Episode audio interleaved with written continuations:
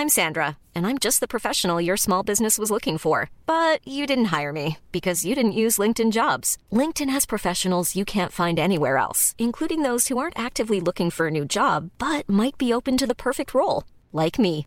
In a given month, over 70% of LinkedIn users don't visit other leading job sites. So if you're not looking on LinkedIn, you'll miss out on great candidates like Sandra. Start hiring professionals like a professional. Post your free job on linkedin.com/people today. When you're ready to pop the question, the last thing you want to do is second guess the ring. At Bluenile.com, you can design a one-of-a-kind ring with the ease and convenience of shopping online. Choose your diamond and setting. When you find the one, you'll get it delivered right to your door. Go to Bluenile.com and use promo code LISTEN to get $50 off your purchase of $500 or more. That's code LISTEN at Bluenile.com for $50 off your purchase. Bluenile.com code LISTEN. Planning for your next trip? Elevate your travel style with Quince. Quince has all the jet setting essentials you'll want for your next getaway, like European linen, premium luggage options, buttery soft Italian leather bags, and so much more. And it's all priced at 50 to 80% less than similar brands. Plus, Quince only works with factories that use safe and ethical manufacturing practices.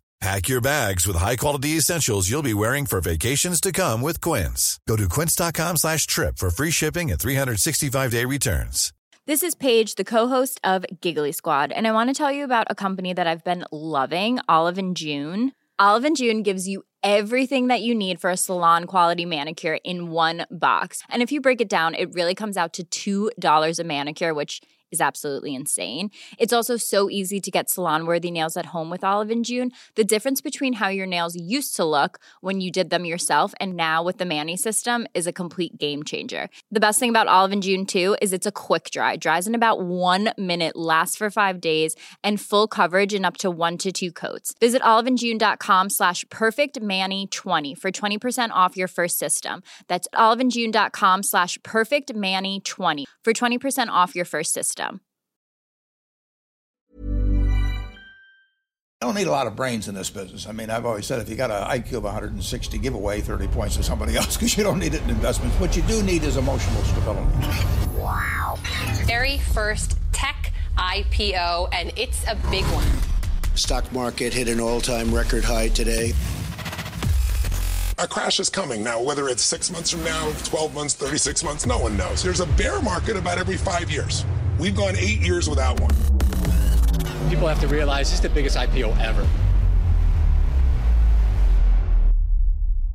Hej och välkommen till ett nytt avsnitt av Market Makers. Idag spelar vi in ännu, ännu tidigare än vad vi brukar göra. Det är nämligen söndagen den första juli. Varför spelar vi in så tidigt Fabian? Jo, för idag har vi med oss Tom och Jakob från podcasten Digitala Draken. Deras podcast den handlar ju om den kinesiska techscenen och vi är ju stora fans av den, både jag och Niklas. Och vi har ju nämnt den flertalet gånger här i Market Makers. Och idag kom de ju hit, de gästade oss i studion kan man ju säga och berätta om några spännande kinesiska bolag. Ja, för att när det gäller teknik så är det ju väldigt lätt att tro att allt spännande händer här i väst, kanske främst i USA, men vi har en ganska fin techscen här i Sverige också. Men det finns ju anledning faktiskt att titta utanför vår lilla bubbla och speciellt om vi vill kunna hitta bolag som kanske verkar på marknaden marknader som är lite starkare tillväxt, som inte är lika mogna än och framförallt större i volym. Sen i och för sig då kan man väl kommentera eller kritisera att om man lyssnar på vår podd, då tror man att allt spännande händer i Kina. Jo, men det är ju så, för tittar man på listan över de högst värderade startupsen i världen så ser vi att det finns 50 högst värderade bolagen, 28 stycken från Kina. Och delar man in det efter världsdelar då, då så kan man konstatera att 70% är asiatiska, 30% är nordamerikanska och det finns faktiskt inte ett enda bolag från Europa. Och eh, det är väl så mycket för europeisk innovationskraft. Precis, och det är ju en kombination. Delvis kanske att det inte är några som har växt så stort, men det är också så att det är en mindre marknad. Det är så här, I Sverige har vi några jäkligt spännande bolag. Vi har Klarna, vi har Spotify och så vidare. Men om man bara växer inom Norden framförallt, eller Sverige framförallt i början, så är, tar det ju längre tid att bli stor än om man växer i Kina. Ser man till hela den här listan på, på 160 bolag är det ungefär på den, så är hälften från Asien. Och det ska ju nämnas att den här listan är från Wikipedia, så vi friskriver oss från eventuella faktafel. På plats 79 i alla fall, där hittar vi första svenska bolaget och det är ju Klarna just. Ja, och det vi helt enkelt försöker säga eh, i den här podden, men också varje gång vi tar upp Kina, är att världen håller på att gå igenom en rätt stor förändring och du gör rätt så rätt i att vidga dina vyer om du vill förstå hur den här världen kommer att utvecklas och vilka bolag som kommer bli morgondagens vinnare.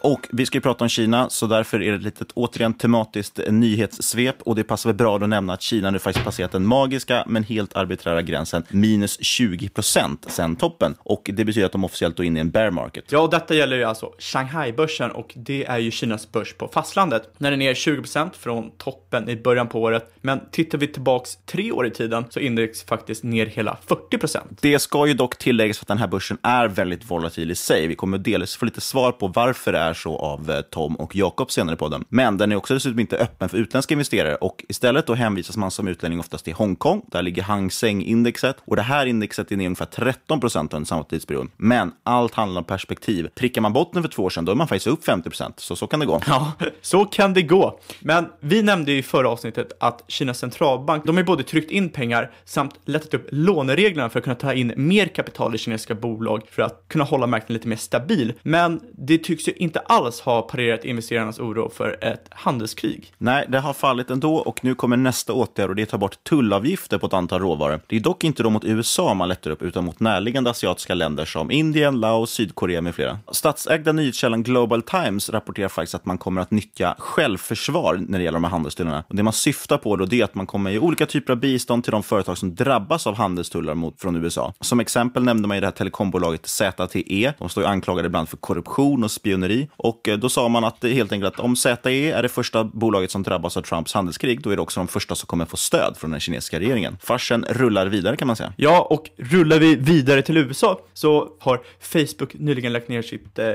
projekt Aquilla. Och syftet med det här projektet var att man skulle leverera internet via drönare till platser som saknar uppkoppling idag. Och man har ju uppgett att man inte lyckats uppnå tillräckligt långa flygtider för att det ska vara lön, helt enkelt. Även Alphabet har ett liknande projekt som heter Titan och det här lades också ner för ett tag sedan. Men Alphabet har faktiskt kvar sitt Project Loon som istället för drönare använder stora ballonger som kopplar upp ett stort nätverk. Och det här är ju lite en variant istället för, det finns ju det här man pratar om att bank the unbanked, men det här handlar om att ge internet till de internetlösa. Ja, och det här med att kunna fixa internet till platser där det inte är lönt att dra en kabel, det är ju en rätt het business nu. Och eh, det är rätt många företag som försöker lösa det på olika sätt. Och tanken för internetjättar som Google och Facebook, det är givetvis att man ska kunna koppla upp fler potentiella kunder, även om det också hävdar att det är en filantropisk handling. Och när vi ändå talar om drönare, då borde vi nämna den här blänkan också om att flygplanstillverkaren Boeing via sitt riskkapitalbolag Horizon X Ventures, de har lett en finansieringsrunda för startupen Matternet. Totalt har man tagit in 16 miljoner dollar till Matternet som beskrivs som en pionjär inom obemannade flygningar över tätbefolkade områden. Amerikanska transportdepartementet tillsammans med federala luftfartsmyndigheten i USA, de valde ju faktiskt att Matternet till ett program som syftar till att påskynda integrationen av drönare i amerikansk luftrum. tycker jag är jäkligt intressant faktiskt. Ja, självkörande flygfarkoster känns ju som ett otroligt spännande område överlag, men tyvärr hamnar ju lite i skymundan för autonoma bilar. Ja, så är det ju. Men sist men inte minst, vi måste ju kommentera det här med IBMs AI-plattform Watson och de har ju fått ett rätt spännande nytt uppdrag och det är att man ska under tennisturneringen Wimbledon ska man analysera eh, bland annat publikljud, spelarrörelser och matchdata för att kunna automatisera klippningen av repriser. Det är en rätt cool grej och speciellt för att de ska försöka känna igen känslor bland annat i de här publikljuden för att liksom kunna avgöra vilka är kritiska ögonblick i matchen. Eh, och då kommer man även erbjuda en chattbot ibland Facebook Messenger för de som vill chatta istället för att titta på matchen och eh, massvis med andra coola funktioner. Jo, men nog med nyheter. Nu tycker jag vi tar in Tom och Jakob från Digitala Draken. Då säger vi välkommen till podden Tom och Jakob. Eh, vilka är ni och vad handlar er podd Digitala Draken om? Tack för inbjudan. Tusen tack. Eh, vi är Digitala Draken. Eh, vi har varit online ungefär två år och snackar om Tech-Kina och är väl nu Skandinaviens största podd om Kina, Jakob, eller hur? Mm, visst. Ganska få konkurrenter dock. Bakgrunden är att vi en gång i tiden jobbade ihop eh, på TV.nu som köptes av Schibsted-koncernen. Och, och innan det så jobbade Jakob på Klarna och han var faktiskt en av de sex första anställda där. Fem, sex någonting. Ja. Och jag var, jag var den jäkeln som lurade honom att sälja sina aktieoptioner för tidigt för att joina mitt bolag istället. Ja, men som, som Tom är inne på, vi träffades på Chipset en gång i tiden och sen så när Tom flyttade flyttade till Kina för drygt eh, fyra, fem år sedan, någonting sånt där, så, så kom det här ämnet upp mycket mer och eh, vi insåg att dels så har vi som svenskar ganska lite information, eh, ganska dålig koll generellt på vad som händer i Kina och sen så ju mer man gräver i det, desto mer fascinerad och eh, häpnad blir man av det som händer där borta just nu. Så att vi kände att nej, det här är någonting som vi verkligen vill paketera mot den svenska marknaden och, och därav den digitala draken. Ja, och framförallt så tänkte vi prata lite om spännande noteringar i det här avsnittet eh, som sker i Kina just nu. Och så tänkte vi använda de bolagen som en språngbräda in i den kinesiska techvärlden. Och först kanske vi ska snacka lite om Xiaomi. Jakob, vad är det för bolag och varför är de så heta? Så Xiaomi började någon gång eh, ah, runt smartphone-revolutionen, alltså runt 2010-2011 eh, när alla andra eh, satsade väldigt starkt på en västerländsk marknad. Eh, man såg liksom aktörer som eh, Samsung och Sony försökte köra följa John och alla skulle liksom eh, kopiera det som Apple hade gjort i princip och ingen egentligen lyckades. Så var Xiaomi väldigt smarta väldigt tidigt med att skapa ett OS till Android-telefoner, alltså en Android OS som var just anpassad för kineser. Så det kan man liksom beskriva väldigt kortfattat då, hur de tog sig till att bli ja, en av de absolut största smartphone-aktörerna i Kina. Och, eh, och samtidigt så var de, som många andra kinesiska aktörer, väldigt duktiga på att bygga ett ekosystem av tjänster runt omkring. Eh, som gjorde att plötsligt så hade man en, man, hade, man kanske hade en, en en eh, Sony-telefon eller en Samsung-telefon, men operativsystemet och alla apparna och alltihopa var Xiaomi. Um, och, och, så det innebar att egentligen att hela användarrelationen och hela användarupplevelsen var skapat av det här kinesiska bolaget medan hårdvaran eh, var, var någon annan. Eh, och sen såklart så började de här producera eh, hårdvara själva och gjorde det på ett jäkligt smart sätt, hur de lanserade alltihopa. Um, och idag kan man väl beskriva Xiaomis eh, position på marknaden lite som Dels man är en smartphone-aktör men man försöker åtminstone och har lyckats ganska bra att ta den här liksom, det smarta digitala hemmet-positionen. Lite som den som Ikea kommunicerar att de vill ta i framtiden. Det är den som Xiaomi har tagit i, i Kina. Det, det som är fascinerande med, med Xiaomi är ju att de är mest egentligen kända för sina smartphones, vilket har varit meningen. Och de har ju till och med en policy när det gäller deras hårdvara att de vill, alltså för hela bolaget, inte ha mer än 5% marginal på deras hårdvara. Och det har blivit lite missförstått nu kan man ju tycka eh, när de håller på att börsnoteras. Att vissa investerare tar det som ett dåligt tecken. Men de, med, de bär ju det med stolthet och anledningen till det, det är bara för att de försöker berätta om hur konkurrenskraftiga de vill vara på marknaden hela tiden. För att deras hela endgame, det är att använda hårdvara som en dörröppnare till ett digitalt ekosystem och så fånga in kunden och göra egentligen det Apple gjorde med iPhone med iTunes och allt runt omkring. Men i Xiaomis fall med mycket mer hårdvara och mycket mycket mer digitala tjänster och mycket mer mainstream. Ett konkret exempel på vad de gör, det är när de börjar med tv-apparater. Eh, och det vill säga stora 50-60 tummare, eh, bra teknik, men det de väljer är att de bara trycker ner priset så mycket som möjligt så att de är konkurrenskraftiga. Bra hårdvara, billigast på marknaden. Och de går nästan förlust på de här tv-apparaterna. Men vad de gör, det är att de själv utvecklar en egen Netflix. Och det är där pengarna finns. Så det är hela deras strategi. Att de använder hårdvara för att de är otroligt duktiga på hårdvara och speciellt att trycka ner priset på det. Men de använder det för högmarginalsprodukter där de faktiskt kan vara konkurrenskraftiga. För de fattar själva att hårdvara bara droppar i pris över tid. Så det är ingen idé att försöka tjäna pengar på det. Det är ju en väldigt intressant strategi just för att det finns ju egentligen ingen hårdvarutillverkare ute förutom just Apple som kan ha sådana otroliga marginaler som de har. Eh, så det är nog en ganska klok strategi ändå att försöka prispressa på hårdvaran men då få in ett lönsam, en lönsam del i det istället för alla andra hårdvarutillverkare nätverk som bara är hårdvara. Ja, att äga hela ekosystemet. Exakt. För, för, för vi, vi återkommer väldigt mycket till ekosystem, vi pratar kinesiska bolag, eller hur? Och eh, det som jag tror oftast missförstås kring Xiaomi, det är att de är egentligen ett mjukvarubolag som bygger ekosystem på samma sätt som Alibaba bygger ekosystem kring e-handel. Men eh, istället för att Alibaba använder en Taobao eller en Alipay som verktyg för det så använder Xiaomi massa coola gadgets som verktyg. Så man ska egentligen skita i hårdvaruaffären. Jo, men det är det här som är lite svårt för liksom, västerlänningar att förstå, för vi har ju inte det här ekosystemet på samma sätt. Företag bygger inte upp stora ekosystem. De kanske håller på att börja göra det nu, men tidigare har det varit liksom, du har en app, sen går du vidare till nästa app och nästa app som är av olika spelare. Ja, exakt. Och, och ur ett finansiellt perspektiv så är det faktiskt så att när du kollar på KPI-erna medans ekosystemet byggs så ser allt riktigt dåligt ut. Man förlorar pengar överallt. Man säljer ingenting med tillräcklig marginal och så vidare. Men sekunden ekosystemet sluts det, då, kom, då, då bara ramlar in pengar. Kolla nu vad som händer med Tencent. Jag, jag har två följdfrågor på det där, som hänger ihop lite grann. Just det här med att, ja men som ett, WeChat är ju det mest klassiska exemplet tycker jag Ifall just med att, att i väst laddar man ner WeChat från till exempel västländska Google, Google Play Store så, så är det ju bara en chattapp, medan i Kina är det så mycket mer. Delvis, vad kommer det kulturellt från? Alltså, eller varför, varför ser, ser det ut så i Kina? Varför vill folk ha allt i samma app? Är det bara liksom, en ren slump att det varit så, eller finns det någonting bakom som gör att folk uppskattar att det ser ut på det sättet? Jag, jag skulle vilja säga att det är en kombination av många olika faktorer. Det ena är faktiskt eh, hur företag resonerar. Alltså företagsbyggare. Typ, jag vill ha allt. Jag är girig. Orkar hålla på bara med en grej och tjäna pengar. När jag kan göra allt och tjäna pengar. Typ. Eh, och, och, och, det har genererat de här stora liksom, ekosystem Eh, tankarna. Det andra är att marknaden har varit mogen för det, det vill säga det har, få, det har, det har varit omogen marknad. Eh, det har varit många nya användare som kommer in på marknaden och då kanske man användaren tycker att det är enklare att bara ha en gateway till allt. För att det finns ju en grej hos konsumenten i Kina som man kanske glömmer bort lite grann och det är ju att de är vana vid ett land och en marknad där det är en miljard av allting. Alltså det blir bara sjukt jobbigt till slut.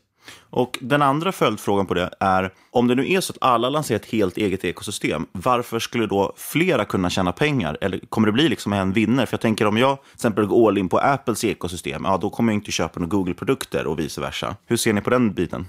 Åtminstone i Kina hur saker och ting har utvecklats, um, som man kan se idag, så är ju ekosystemen har byggts utifrån olika typer av vinklar. Så Alibaba har sitt ekosystem där de till exempel har kunnat bygga upp, eh, och det ska vi prata om strax, en, en liksom jättekraftig fintech-affär runt Alipay och så vidare. Um, och, och, den kommer ju, ingångspunkten, entry point för det ekosystemet är ju ändå e-handel. Eh, alltså e-commerce som deras starkaste liksom, position. Um, men ovanpå det så har man även byggt ekosystem runt logistik och så vidare. och så vidare. Sen så om man tittar på hur eh, Tencent har approcherat det så kommer den väldigt mycket från social-vinkeln. Men där har man inkluderat gaming och så vidare. Så liksom, även om man pratar om ekosystem så um, så finns det ju olika kluster av ekosystem så att konsumenten kanske i slutändan rör sig mellan tre, fyra stora ekosystem, eller ja, för den delen två stora ekosystem. Um, och där, om man tittar på Xiaomis, uh, hur deras resonemang är, är väl troligtvis att ingen har lyckats ta ekosystemet utifrån just gadget-positionen.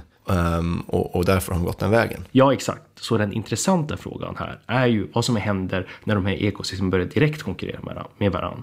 Eh, Tencent går all in på e-commerce, det som Alibaba redan äger. Eh, Alibaba går all in på hårdvara och det smarta hemmet, det som Xiaomi håller på. Vi har inte kommit dit än och ärligt talat så vet jag inte svaret på frågan. Men just nu vad som händer är att vi har clear winners inom varje del där de bygger egna ekosystem. Sen så tror jag att eh, marknaden behöver en konkurrens. Alltså även konsumenterna behöver alternativ. Så att det inte är så att liksom en kommer vinna allt. Men eh, just nu så håller de på Alltså just nu håller de på att konkurrera med varandra lite grann och tangerar. Men det är ingen som går så head-on. Men hur kommer den här helt galna techscenen påverka omvärlden? Jag menar, västvärlden, vi har ju inga ekosystem. Eh, kommer de här kinesiska bolagen vända blickarna utåt eller kommer de fortsätta verka framförallt inhemskt? Jag, jag tror att just det här sättet Tencent har skapat sitt extrema ekosystem och Alibaba har skapat sitt extrema, alltså det vill säga att de kon kontrollerar allt, alla olika sorters konsumenttjänster och B2B-tjänster och allt möjligt. Den är jäkligt svår att återskapa på mogna marknader. Europa och USA till exempel. Den är lättare att återskapa i Indonesien. Och, och, och, det är intressant nog för det är typ 200 miljoner pers där. Så att liksom, finns ju pengar där också. Eh, men så, så jag tror att sättet man ska kolla på de här ekosystemen som de har byggt är mer bara att man ska förstå hur jäkla mycket pengar de genererar och där varför det är en bra affär och hur mycket man och därför hur man tror att den här kommer skala över tid i den marknaden det existerar. Men det är oerhört svårt att bygga globala ekosystem på det här sättet. De har gjort det för att de kontrollerar så otroligt mycket och det kommer ta så himla lång tid för dem att ens försöka. Om vi vänder på frågan då, eh, varför kommer liksom inte västerländska bolag eh, in i Kina? För att i många fall är det för sent, för ekosystemen har redan tagit över och de är inte duktiga nog att konkurrera om vertikalerna. Alltså, det finns lokala kinesiska konkurrenter som konkurrerar med specifika vertikaler inom de här ekosystemen och utifrån det kanske kan börja bygga egna ekosystem och kanske i sin helhet konkurrera med till exempel Tencent. Men de västerländska bolagen har ingenting att komma med när det gäller executionförmåga jämfört med de här kinesiska. För jag tänker på det för att jag tycker det hörs oftast av folk som, framförallt folk som då inte kanske oftast har jättebra koll, men man, man nämner till exempel att eh, Baidu då som är, eh, det benämns ju liksom som Kinas Google för att en stor del av deras affär är ju deras sökmotor. Eh, och då säger man så, ja ah, men om bara Google skulle få slå sig in i Kina så skulle ju de vara, det är ju mycket bättre sökmotor. Men eh, Google har ju varit i Kina och, så, här, och varför, varför skulle det vara så enkelt för Google att slå ut Baidu? Har ni någon, någon kommentar kring det liksom? Nej men det skulle vara omöjligt. Alltså Facebook skulle inte kunna gå in i Kina till exempel. Google inte heller. Amazon inte heller. Amazon är ju i Kina och försöker gå i åt helsike. Liksom. Och det beror främst då på delvis att de andra redan har så stor marknadsandel liksom, och brand awareness och att, plus att kulturen är lite annorlunda, eller? Ja, alltså det är mest bara för att de har ett försprång. Eh, alltså, jag vet, ska, okay, om vi ska jämföra sökalgoritmer, Googles och Baidus, så, så, vet jag inte vilken som är bäst. Men ska vi kolla till exempel natural language processing, eh, det vill säga att kunna hantera voice och översätta det till faktiskt text och sådana saker, så är, så är ju Baidu faktiskt bättre än Google. Men det betyder att Baidu är bättre på det på engelska än Google. Ni nämnde ju Ant Financial tidigare. Det är ju ett, ett dotterbolag till Alibaba och vi har pratat ganska mycket om Alibaba och även en del om Ant Financial-podden. Men jag vill gärna också höra er liksom presentation. Vad är Ant Financial och varför är det ett intressant bolag som ska noteras? Som, som du nämner, uh, eh, Ant Financial är uh, från början ett Alibaba-bolag som knoppades av då inför börsnoteringen som skedde för några år sedan. Um, och kom, härstammar egentligen från Alipay som uh, var en ja, som fortfarande är ett av de största betalningsmedlen och mobila plånböckerna i Kina. Ehm, men idag så har Ant Financial består av just det här ekosystemet av finansiella tjänster. Så allt ifrån fondspararlösningar till eh, money exchange, till lending, eh, både för konsument men även för företag. Eh, och så man kan väl säga fortfarande att så här, stora user, user acquisition-kanalen för Ant Financial är ju såklart Alibaba och Alipay. Eh, både när det kommer till business to business-delen men även när det kommer till business to consumer-aspekten eh, eh av det hela. Eh, ett exempel på det här är att inför Singles Day, som är den största shoppinghögtiden i Kina, så, så gav man ut 1,2 miljoner små företagslån till de olika handlarna som, eh, som då opererar på Alibabas plattformar. Så en otrolig kraft i det. Ja, så, så ska man säga beskriva dem i ett konkret perspektiv så tänk er att eh, Amazon skulle gå till Klarna och säga Vet du vad? Ni är det enda betalningssättet just nu. Inget annat Alltså det finns inget annat sätt att betala på Amazon just nu förutom med Klarna. Och samtidigt så går eh, Klarna och köper typ eh, ett fintechbolag inom varje kategori. Alltså eh, consumer lending, blankolån, eh, större lån, B2B-lån, försäkringar och så vidare och så vidare och bygga en apparat kring det. Det är ungefär det som har hänt. Det är vad Ant Financial är. Det Ant Financial mest får credit för, det är Alipay. För det är där man har liksom 600 miljoner användare som använder mobilbetalning. Och de har jättesmå transaktionsavgifter. Men det coola med Ant Financial är inte i närheten av mobilbetalningarna utan det är hur de använder mobilbetalningar och byggt upp världens mest effektiva fintech-apparat där de gör exakt allting. Under den här Singles Day som Jakob nämnde så sålde de samtidigt 8,6 miljoner försäkringar på en dag. Förlåt, det är 860 miljoner försäkringar. Ja, okej, okay. det är ännu sjukare. Så, eh, så, så under Singles så sålde Ant Financial 860 miljoner försäkringar på en dag. Jag menar, hur många försäkringsbolag gör det? Nej, men det är väl återkommande här liksom med att de äger he hela finansekosystemet där. Så, så vad Ant Financial representerar är nummer ett fintech generellt, det vill säga anledningen till varför så många av oss tror på fintech på lång sikt. Alltså effektivare lösningar, AI-styrda, eh, varför ska en fysisk person sitta på andra sidan och bedöma om de ska ge dig lån när algoritmer kan göra det mycket snabbare och effektivare. Det, den andra eh, anledningen som är intressant med Ant Financial handlar ju egentligen bara om att de som bolag har lyckats typ bygga allt det där som vi tycker är coolt med fintech i hela världen. Men allt det där är i ett enda företag. Och de har ett av Kinas mest effektiva och bästa just acquisition kanaler, vilket heter Alipay. Men om du har en sån här jätte som Ant Financial, liksom äger de hela den nya fintech-marknaden? Eller hur ser fintech ut överlag i Kina? Så, så, så, fintech är ju superstort i Kina och det finns jättemånga konkurrenter i Ant Financial.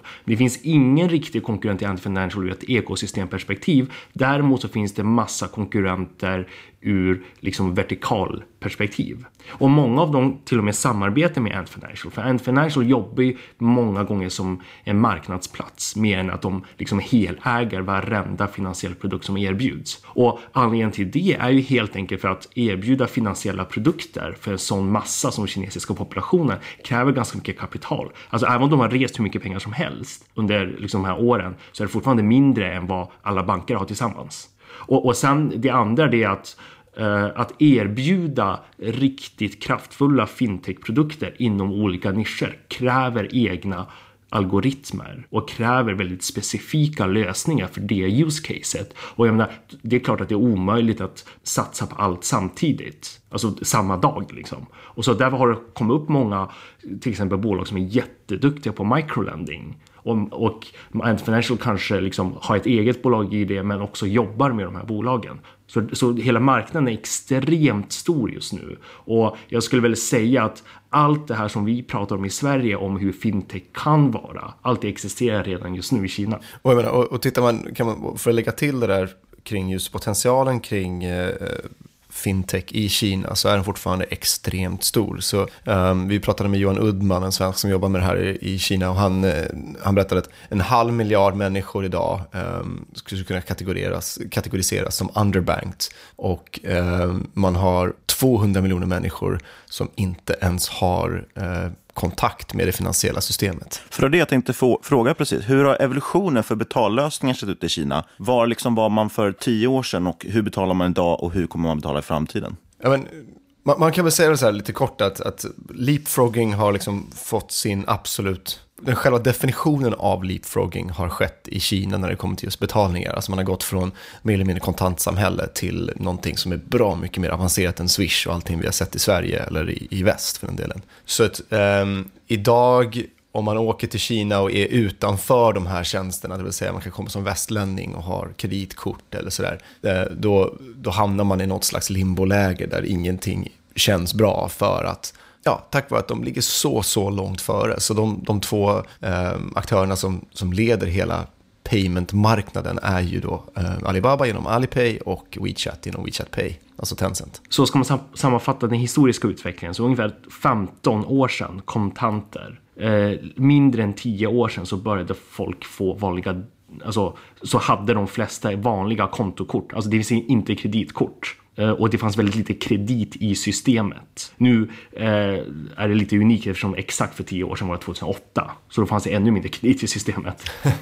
eh, men eh, och sen så istället för att alla skaffar kreditkort och det börjar komma så kortterminaler exakt överallt och allt det så kom mobilbetalningar. Det var ungefär för exakt tio år sedan som mobilbetalningar kan man säga började komma ut på marknaden via Alipay. Och hur, hur ser liksom lösningen ut med Alipay och så? Om man, om, man går, om man går in på ett café någonstans i Kina, är det en QR-kod, är det ett NFC-chip? Hur funkar själva betalningen? Och dras det från mitt konto, dras det från kredit? Liksom, finns det någon form av någon genomsnitt där, eller hur det brukar se ut? Ja, så sättet det ser ut är att om, om vi pratar om de så här, den mest, mest standardiserade lösningen så ser att man går in på ett 7-Eleven och ska köpa någonting. Så man går dit, tar sin produkt, man öppnar sin Alipay-knapp. På den finns det Eh, en knapp som heter Pay. Trycker man på Pay genererar en dynamisk QR-kod som autouppdateras var femte sekund så att, alltså, för att minska risken för fraud. Och personalen eh, då läser av QR-koden med typ en streckkodsläsare och sen så är det klart. Är det en transaktion för mycket mer pengar så kommer Alipay be dig om ditt lösenord. Men i normala fall när man köper typ en vatten så bara försvinner pengarna direkt och sen så går man vidare med sitt liv. Eh, sättet det funkar på backend är att man har kopplat sina kort till Alipay. Så man, går, man öppnar Alipay-appen och trycker in sina kortuppgifter. Och så eh, har man inga pengar på sitt Alipay-konto så dras de här pengarna från kortet direkt. Transaktionsavgiften för hela...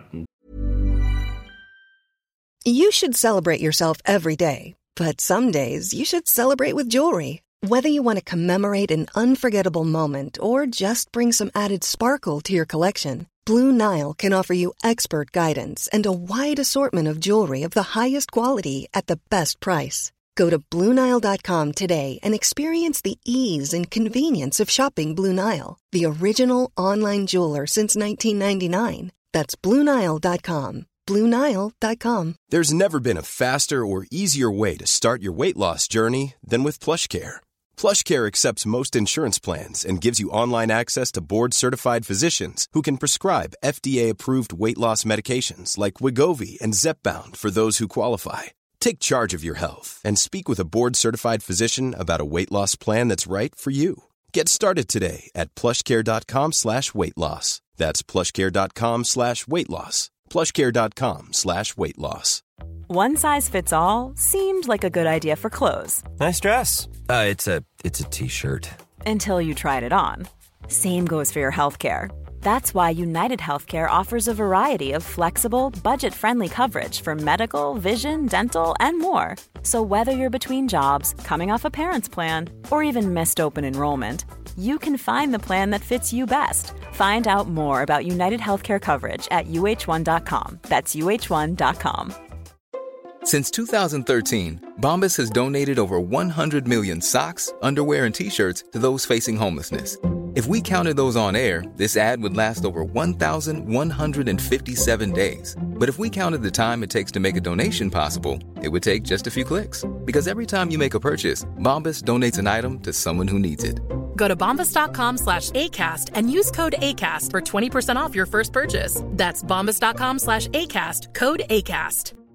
Hiring for your small business? If you're not looking for professionals on LinkedIn, you're looking in the wrong place. That's like looking for your car keys in a fish tank. LinkedIn helps you hire professionals you can't find anywhere else, even those who aren't actively searching for a new job but might be open to the perfect role. In a given month, over 70% of LinkedIn users don't even visit other leading job sites. So start looking in the right place. With LinkedIn, you can hire professionals like a professional. Post your free job on linkedin.com slash people today.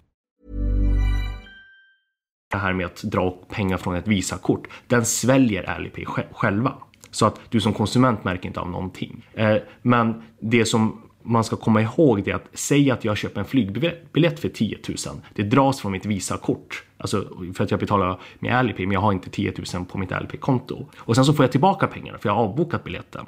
Då kommer pengarna tillbaka in på mitt Alipay-konto men de, de, kommer inte ut tillbaka på mitt kort. Men, men det där är ju väldigt intressant så i, i de flesta fall så finns det ändå fortfarande kanske Visa och Mastercard-kort ba, i bakgrunden. Varför vill man inte få bort det steget? När blir liksom Ant Financial en bank istället? De har ju tagit väldigt stora steg till att bli det. Nu, vi, nu snackar vi egentligen om licenser. För många, många år sedan när man släppte sin money market-fond, Yuebao, jag vet inte om ni har hört talas om den. Men, de, eh, men det, det är deras money market-fond, tionde största i världen just nu. Eller, eller tionde största banken i världen just nu. Största money market-fonden i hela världen. Alltså om vi pratar kapital i systemet. Eh, men det som hände egentligen var att när de startade den så sa de i princip till konsumenterna, du, vi ger högre ränta än bankerna.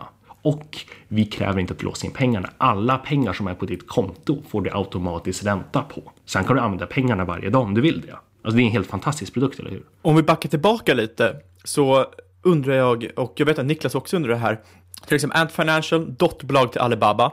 Men när man kollar på i stort sett alla bolag som bland annat är börsnoterade så ser man alltid att det är Baidu, Alibaba eller Tencent som har en relativt stor andel i de här bolagen i, som verkar i Kinas techsed. Tror ni det här kommer vara ett hinder framöver eller kommer det hjälpa till att driva på Kinas utveckling ännu mer som någon typ av megahubb av innovation? Det, det, det här är väldigt case by case. Det måste vi komma ihåg. Um, så, så, att för det första beror det på hur mycket de äger och för det, första, och för det andra beror på varför de investerade. Många av de här bolagen med Tencent som ägare eller Alibaba som ägare har ju egentligen fått in riskkapital från Tencent och Alibaba i deras Series A och Series B. Och därför är Alibaba som ägare, men det är deras liksom, VC-del som har tryckt in några miljoner. Uh, i, sen finns det vissa bolag som rent strukturellt är nästan integrerade i deras ekosystem och därför äger Alibaba och Tencent en ganska stor del som en betalning för det och eller även investeringarna Alibaba och Tencent har tryckt in. Och anledningen till att de IPOar är ju egentligen för att både alla ägarna vill ju monetisera på den här möjligheten. Så eh, vi kan ta två extrempunkter, eller vi kan ta två extremcase av det här. Ant Financial ägs 30% Alibaba, men det kom upp som en, en Alibaba-produkt. Anledningen att Ant Financial står på egna ben är både för att fintech-affären är värd så jäkla mycket pengar, men också för att den är så himla svår och långt ifrån core business av det Alibaba håller på med på dagarna. Det krävs en helt annan sorts organisation för att hantera Ant Financial. Så, men det skulle jag egentligen, jag skulle mer se Ant Financial som ett liksom väldigt Alibaba-tungt bolag, både i form av hur de är integrerade in i Alibaba organisationsmässigt, alla cheferna känner varann och så vidare och så vidare. Det är nästan som ett dotterbolag.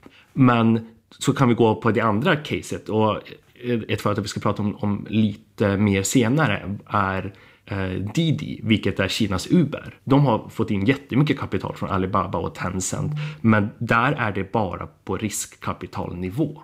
Så de kanske konkurrerar med dem själva en vacker dag. Det där är lite intressant. Eh, Fabian, du nämnde ju eh, Alibaba, Tencent, Baidu. Didi är ju faktiskt det enda egentligen, tror jag, av Kinas bolag som har alla tre som investerare. Så vi kan ju faktiskt prata om det bolaget. Vad är Didi för bolag? Och eh, de pratar ju också om att göra en IPO framöver. Ja, eh, historien med Didi är egentligen att eh, Uber fanns i USA var en massa entreprenörer i Kina som såg samma sak, copy-pastade det. Eh, massa, massa olika Uber-konkurrenter kom upp i Kina innan Uber gick in. Ehm, det var egentligen två som var framstående. En som hette Didi och en som hette Quaidi Uh, eh, och en var backat av Tencent och en var backat av Alibaba kan man säga. Alltså backat i form av att de hade fått in kapital. Och vi alla vet ju att hela den här ride-sharing-grejen är extremt kapitalintensiv. Och därför var ju Tencent och Alibaba med ganska tidigt bara för att de sitter på mycket pengar. Um, sen när Uber gick in, då mergade de och därför blev de Didi. Så att anledningen till att både Alibaba och Tencent är med i samma bolag är egentligen bara för att de satte sig ner vid förhandlingsbordet och sa så här, vänta nu, nu vi slänga en massa pengar mot, för att konkurrera mot varann när de här Uber kommer in. Ska inte vi bara slå ihop och slå ut dem istället? För vi fattar att den här marknaden är viktig strategisk. Eh, och sen så kan vi, kan vi prata om att varför eh, Alibaba och Tencent gick in. Och en av de största anledningarna till att de gick in är ju bara för att de kämpar så otroligt hårt med att ha en andel i alla bolag som, gör, som erbjuder tjänster som mainstream-konsumenten behöver använda varje dag. För annars kommer de tappa sin fintech-position i slutändan. Och, och, lite för att man ska förstå varför Uber eh, fightade så hårt om den kinesiska marknaden just när det kommer till ridesharing är ju för att kort och gott det är världens största ridesharing-marknad. Så fler taxiresor eh, sker i Kina än någon annanstans i världen, eh, tack vare att det är ett väldigt stort land och att taxibeteendet, det är mycket mer ett mainstream-beteende, det är inte samma klassfråga som det kan vara här i väst om att du ska ta taxi eller buss. Um, så det som Uber såg var ju att okej, okay, här har vi ett land som har tre gånger högre volym än vad vi har på alla marknader tillsammans. Um, anledningen till det här är ju egentligen grund, i grunden data. Så vill man bli bäst på att lösa trafikknutar, att förespå trafik, ehm, att eh, skapa självkörande bilar och så vidare och så vidare. Då någonstans så behöver man accessa världens största marknad och det var därför Uber eh, satsade så hårt. Satsade 3,5 miljarder dollar eh, just bara på att gå in på den kinesiska marknaden. Med tyvärr för deras del då, en, en mindre framgångsrikt resultat. Ja, för de blev uppköpta, eller hur? Ja, vad som hände var att, att, efter 18 månader så, eller initialt så sa ju Uber att efter 18 månader så skulle vi ha majoriteten av marknaden och eh, efter 18 månader så hade man någonting stil med 20% av totala marknaden. Och man gick back en miljard dollar per år. Så det kostade dem då i ren förlust en miljard dollar per år. Då kan man tänka sig hur mycket ska det kostat för dem att ta en majoritet av marknaden som de fick bara 20% för det här.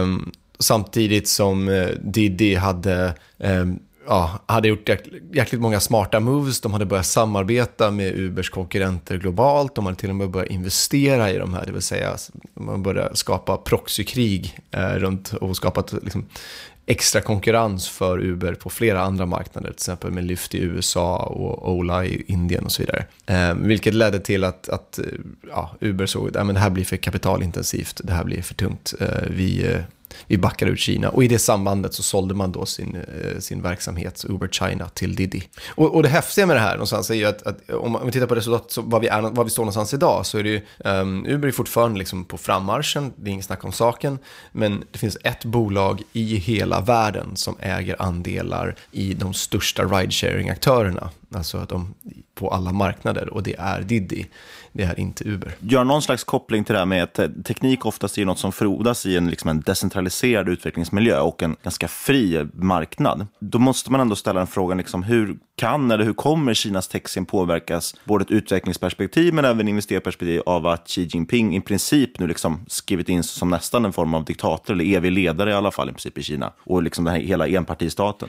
Uh, det där är ju en frågeställning som är typ omöjlig att svara på.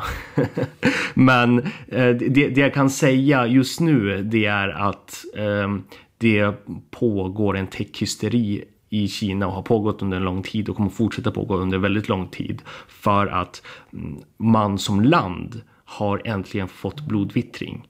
Alltså det, har, det kommer ut ganska mycket bra innovation ur landet och nu har man verkligen fattat att det är så här vi ska bli världens största ekonomi och totalt världsdominerande genom att vara bäst på AI, på genetik, på tech och så vidare. Men hur, liksom, hur ser det ändå ut? Den, dyna, alltså, den dynamiken att man har just en enpartistat och ett eh, någonstans mindre fritt, fritt samhälle. Så. Är det någonting man märker av? Att måste man liksom vara tjenis med staten för att lyckas med sitt företag? Och, har ni någon kommentar kring det? Uh, no, alltså ja och nej. Det beror på vilken industri och vilken storlek.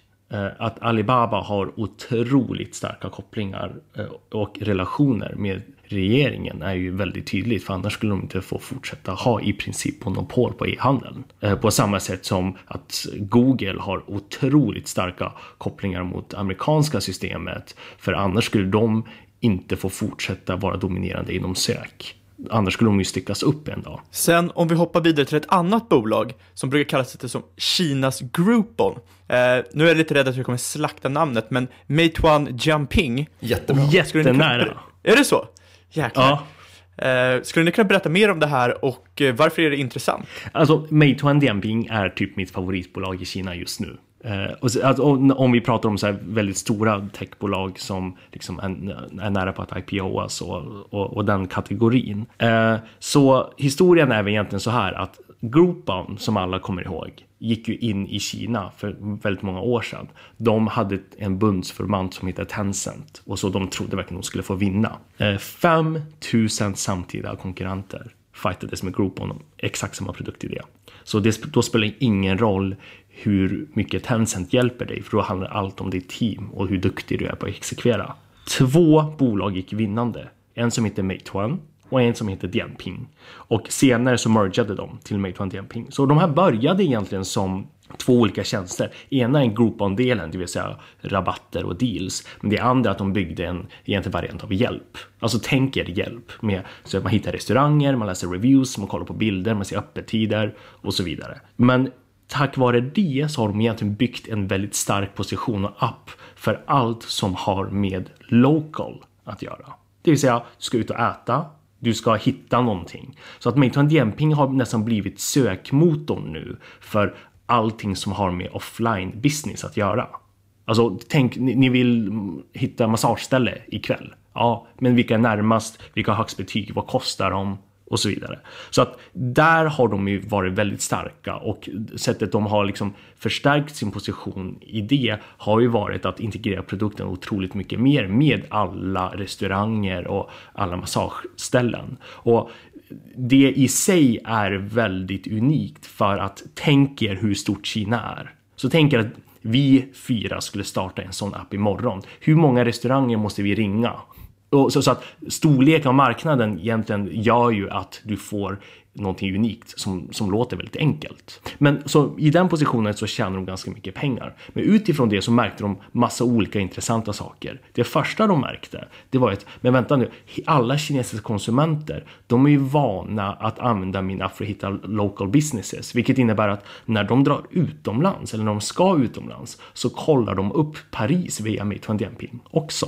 Så vad de gjorde då, det är att då byggde de en konkurrent till eh, kajak, alltså börja sälja hotell och flygresor via appen. Så när du söker på Paris får du fram intressanta kaféer och rekommendationer, du kan också boka ett hotellrum i Paris. Och de har blivit en av de största resebokarna på marknaden. Och det coolaste som har hänt med Meituan Dianping, det är att en dag så fattar de en sak och det var att vänta nu, alla ska ju, måste ju ta sig till restaurangen. Och hur tar folk sig någonstans i typ Shanghai? Jo, man öppnar Didi och beställer en bil. Och det de inser då, det är att, men vänta nu, då innebär det att Didi vet samma sak som vi. Så Didi kommer ju göra en konkurrent till oss.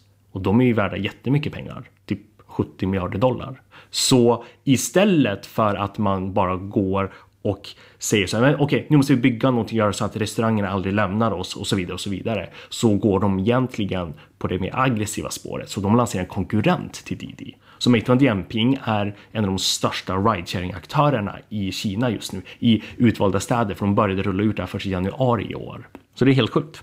Ja, det är helt galet faktiskt. Men jag, jag tyckte bara ska hoppa in, för det här är ju ett bolag som eventuellt ska IPOas. Eh, samma med egentligen alla bolag vi tagit upp. Vad anser ni kring risker som man i västvärlden anser finns att investera i Kina? Tycker ni att de fortfarande är korrekta, håller de fortfarande eller är de helt överblåsta? För de här bolagen vi pratar om så, är, så pratar vi ganska eh, tydligt om så clear winners. Eh, där är Uh, där skulle jag inte säga att det finns några sådana här extrema risker som att regeringen kommer stänga ner dem eller det sånt som folk kanske ibland oroar sig för. Däremot så kan jag ju inte säga om värderingarna på de här bolagen stämmer eller inte. För jag, jag, måste nämna, det har ju varit, det är en dokumentär på Netflix som heter China Hustle, den har blivit väldigt populär och eh, jag har i alla fall fått det väldigt många gånger slängt mot mig just när man pratar om kinesiska bolag. Så jag säger, ah, men har du sett den här dokumentären? Kolla, allting är ju bara en scam. Eh, för första, har ni sett den och vad, vad liksom kommenterar ni kring det? Jag har faktiskt inte sett den. Nej, inte jag heller. Jag kan dra en kort. Det var ju en, en period i USA, framförallt på amerikanska marknaden, där det var väldigt många så kallade reverse mergers. Man åkte egentligen ner till Kina, letade upp någon fabrik som inte hade någon produktion alls i princip, köpte den, eh, börsnoterade den i USA, eller snarare man, man köpte upp den med ett, något nedlagt amerikanskt bolag som redan var noterat. Mm. Poängen var i alla fall att man, man fick då ett, någon superliten grej i Kina, noterade den i USA och sen så typ tog man den omsättning de hade och gångade den med tio och sa att så här mycket omsätter de nu. Och sen lurade man folk att investera i princip. Mm. Eh, och poängen är väl det de försöker lyfta upp är väl någonstans att säga, ja, men vi kan inte lita på siffrorna från Kina. Vi kan inte lita på, på liksom deras eh, rapportering egentligen. Ja, men jag, det finns två sidor här. Kört ett, ja, man måste göra sin research. Ehm, men sen så tror jag, vad vi, vad vi stöter på väldigt mycket är ju ehm, en hel del anekdoter och berättelser som eh, man inte kan beskriva som någonting, någonting annat än väldigt skrämmande. Men många av dem har ju 10, ibland 20, ibland 30 år på nacken. Och om man då tar det här liksom extrema utvecklingsperspektivet så är det lite som att tala om saker som hände i USA på 60-talet. Om du pratar om någonting som hände på 90-talet i Kina. Så, um, så man, därför tycker jag man ska ta de här sakerna med en nypa salt, men med det som liksom, privat investerare, eller det är klart man ska göra sin research, det är super, superviktigt. Om vi pratar om de här stora bolagen nu som har gått igenom och vi pratar om att de är ganska clear category winners eh, så skulle jag säga att den risken är nästan obefintlig av flera olika skäl. Alltså nummer ett så är de uppbackade av riskkapitalfirmor som aldrig skulle tillåta att liksom tappa sitt rykte på det sättet. Eh, det andra är att vi pratar om digitala bolag de här KPI är inte så jävla svåra att dubbelkolla för investerarna. Och nu, nu pratar de om de stora ägarna. Så här, eh, caset ni nämner och caset kanske den där filmen nämner är ju typ, ja men jag köper någon jäkla stålfabrik i Kina och överdriver. Exakt. Här, och, och, och jag menar, den, jag menar, alltså den hasson har ju funnits i världen hur länge som helst. Så här, jag rapporterar output av stål inte average sale. Of, eh, average sale. Nej, precis. Och det har varit lite grejen också som jag tycker är intressant. Just för att, eh, precis som du säger, så de, det är ganska enkelt, eller det är i alla fall lättare att mäta en digital business och se att den verkar liksom korrekt. Och därför är det intressant. Samtidigt såg de ju just i den filmen var det väldigt enkelt där också. För de, det var ju bara att en person åkte ner och kollade på den här fabriken, så såg de okej, okay, men de tillverkar ju faktiskt ingenting. Eh, det är inte så svårt heller, men det är svårare kanske för den privata investeraren. Det, jag, det jag måste bara nämna, som jag störde mig mest på den filmen, är att de avslutade med att nämna just Alibaba. Eh, och så nämner de inga detaljer överhuvudtaget, förutom att de säger att det är en perfect storm. Och då bara liksom gör någon slags guilt by association, att det skulle vara ett scambolag. Det är väldigt märkligt. Ja, exakt. Men, men jag skulle vilja nämna en annan aspekt av detta. Och det är att jag tror inte folk förstår hur jäkla viktigt tech är för Kina. Alltså Kina som land, nu pratar om befolkning och regering, vill ha tillbaka sin världsledande position som man hade centuries ago. Okej? Okay? Det finns ingenting som ska stoppa landet Kina för att komma dit. Det är attityden. Och sättet man ska komma dit på är inte en massa jäkla skofabriker. Det är bolag som Alibaba och AI och självkörande bilar och robotar och liksom allt möjligt.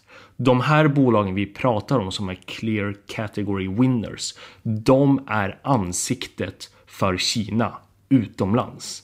Alltså, det finns ingen chans att de är ett gäng hustlers. För om de är det så innebär det att Kina förlorar sitt ansikte och, och det innebär att de tappar på sitt övergripande 50-årsmål. Men många av de här bolagen, de är ju noterade i USA på amerikanska börsen. Har ni någon insyn hur den kinesiska aktiemarknaden ser ut på i mainland China? Eh, vem är snittinvesteraren där till exempel? Eh, alltså om vi pratar om så här kinesiska, om vi pratar om investerare lokalt i Kina så är det väldigt mycket där som är extremt dopat. Av den enkla anledningen att det är enorma restrictions på hur mycket pengar du kan flytta ut från Kina. Så att det finns, man kan, alltså, så, så det man kan säga så här egentligen är att det har inte skapats tillräckligt många investeringsmöjligheter som motsvarar eh, kapitalökningen inom landet. Men de pengarna kan inte sticka utomlands heller. Så det blir väldigt dopat. Så, och det är därför vi har sett mycket, många saker som att eh, Shanghai-börsen går upp och ner. Väldigt mycket extrem variation. Därför vi ser att fastighetspriser sticker iväg. Och det är egentligen bara för att vi kan inte tänka på investeringarna i Kina ur ett globalt perspektiv och säga så här, åh vad dumma de är som köper den här fastigheten. Eh, det, det är bara för att det slutna ekosystemet, det vill säga att kinesiska regeringen har stängt accessen till utländska investeringsprodukter, gör att det går lite galet. Jag skulle ju aldrig ta mina pengar utifrån Kina och trycka in dem i Kina. För du kommer fan aldrig få ut dem. Så det spelar ingen roll. Hoppar till något helt annat, någonting som jag bara tänkt på mycket. Du driver ju en startup i Kina och det finns ju liksom alla de andra bolagen, Didi och alla, måste ju också någonstans använda molntjänster. Eh, vilken är liksom go-to molntjänsten för både som startups och kanske stort bolag? Finns det någon tydlig vinnare där? Ally Cloud en tydlig vinnare. Tencent Cloud växer ju som galet och det, det ser ni i senaste rapporterna från Tencent. Det finns en massa andra aktörer runt det också såklart. Men med Ally Cloud är ju marknadsdominanta. Och sen tänkte jag också fråga Tom, hur ser det ut i din telefon? Vilka appar använder du främst i Kina? Jag använder WeChat, eh, Didi, Meituan Dianping eller Meituans nya ridesharing för att den är typ halva priset mot Didi ibland. Eh, och sen så använder jag Alipay-appen också. Och sen så är jag ganska dålig appanvändare generellt, så det är väl det. Just det, jag använder ju faktiskt Mobike och Ofo också. Alltså Mobike, de här cyklarna som är liksom lite överallt. Sen har vi ett litet segment som vi kallar för några snabba. Och eh, vi säger i stort sett ett ord eller en mening och eh, ni ska väl i stort sett slänga ut det första ni tänker på. Och eh, det första vi tänkte, vad tycker ni är den bästa techscenen utanför Sverige, Kina och USA? Jag skulle säga Sydostasien eller Brasilien. Favoritgrej i Kina som svenskar inte känner till? Bike sharing. Ja, Alltså att man delar då på cyklar som man eh, själv äger eller cyklar som står runt omkring i stan? Cyklar som står runt omkring i stan och kopplade till en app um, och uh, ja, mobilplånböcker och så vidare. Så, som har just börjat komma till Sverige? Och sen guld och bonusfråga på det här. Hur ser kineser på guld? Ingen aning faktiskt. Men det finns några så andra så här lite konstiga saker som många kineser investerar som fan i. Vad kan det vara för något? Uh, typ vin Alltså jättemycket. Och, och då pratar jag inte, alltså i, i väst är det vanligt med folk som investerar i vin för att man är liksom, man tycker om vin. Och man är nördig och intresserad av det. Men det är väldigt många som investerar bara i vin. Kommer det tillbaka till det du sa förut, att det är för att de inte riktigt har den här stora marknaden att investera i, att man får liksom trycka in pengarna i det som finns? Ja, så kan man ju säga väldigt mycket. Vi har, jag har ju dragit den här siffran förut, men förra året steg ju faktiskt priserna på samlarviner mer än vad amerikanska börsen gjorde. Så det har ju varit en rätt bra investering. Kanske dock beror på Kinas investeringar i dem. Eh, ja, exakt. Nej, men, eh, och jag har hört flera som åker runt på såna vinauktioner i Europa där de inte, som kineser inte har kommit åt den för de vet inte att de existerar. Och så, köper, och så vet de vilka viner som är populära i Kina, alltså samlarobjekt eller investeringsobjekt. Och så köper de liksom för halva priset. För när kineser inte kommer in och liksom, alltså, budar upp det så köper de halva priset och så drar de över till Kina och säljer dem. Liksom. En, en annan väldigt intressant investeringsprodukt i Kina är fioler. Mm -hmm. Jag ger en ledtråd.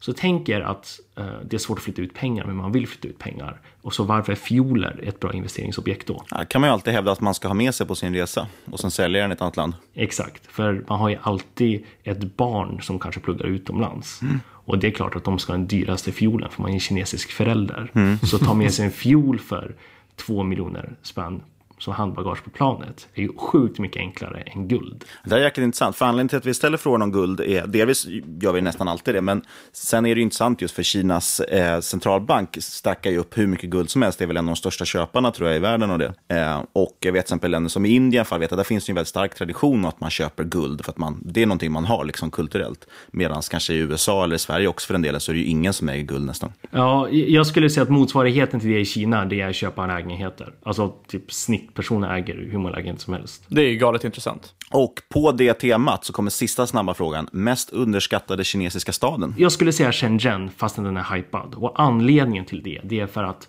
Shenzhen är hypad för att det, är, åh, det är så himla mycket hårdvara där. Man kan gå dit och tillverka vad som helst. Men vad Shenzhen har utvecklats till är en av de mest progressiva moderna städerna i världen i form av hur de bygger smarta städer, i, i form av entreprenörsklimatet, i form av innovation och folk som bara är helt galna och vill bara skapa saker. Och den sista standardfrågan vi alltid kör också. Vilken var er bästa respektive sämsta investering och vad har ni lärt er av dem? Ja, min sämsta investering var väl kanske att sälja mina Klarna-optioner alldeles för tidigt.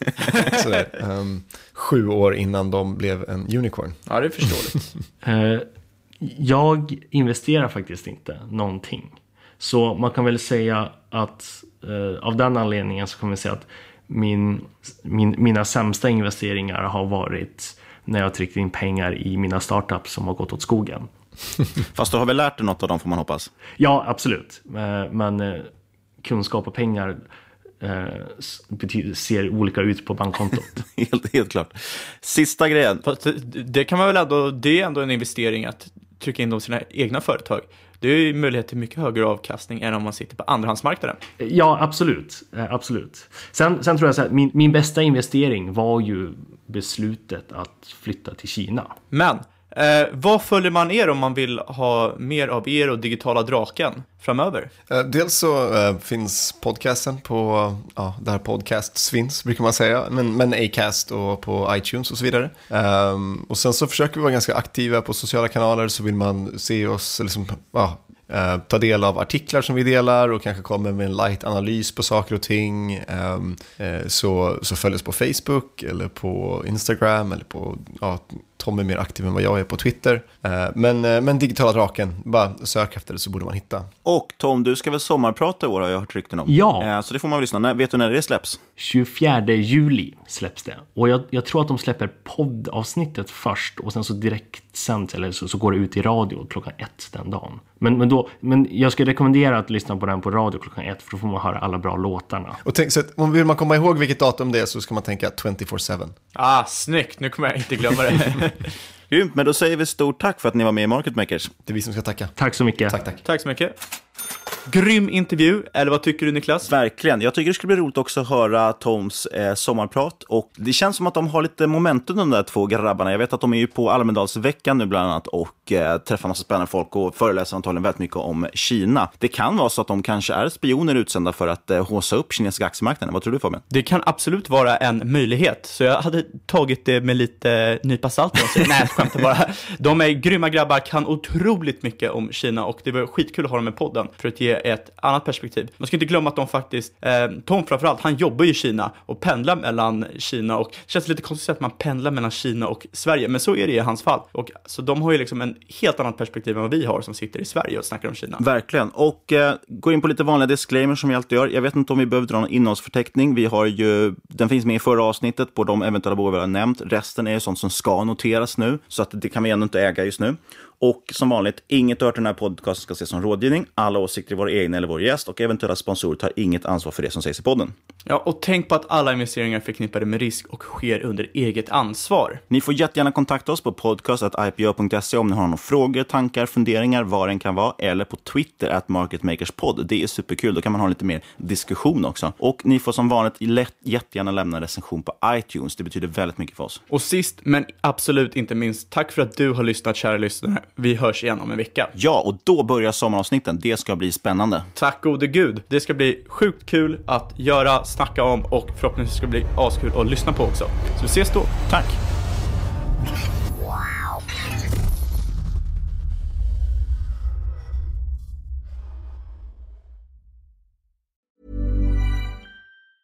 Even when we're on a budget, we still deserve nice things. Quince is a place to scoop up stunning high-end goods for 50 to 80% less than similar brands. They have buttery soft cashmere sweaters starting at $50, luxurious Italian leather bags, and so much more. Plus, Quince only works with factories that use safe, ethical, and responsible manufacturing. Get the high-end goods you'll love without the high price tag with Quince.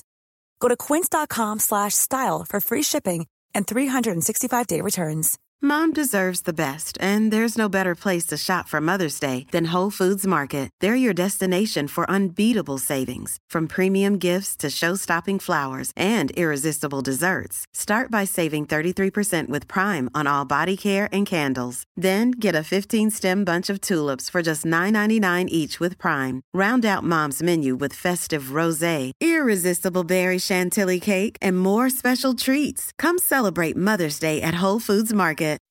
When you make decisions for your company, you look for the no brainers. If you have a lot of mailing to do, stamps.com is the ultimate no brainer. Use the stamps.com mobile app to mail everything you need to keep your business running with up to 89% off USPS and UPS. Make the same no brainer decision as over 1 million other businesses with stamps.com. Use code PROGRAM for a special offer. That's stamps.com code PROGRAM.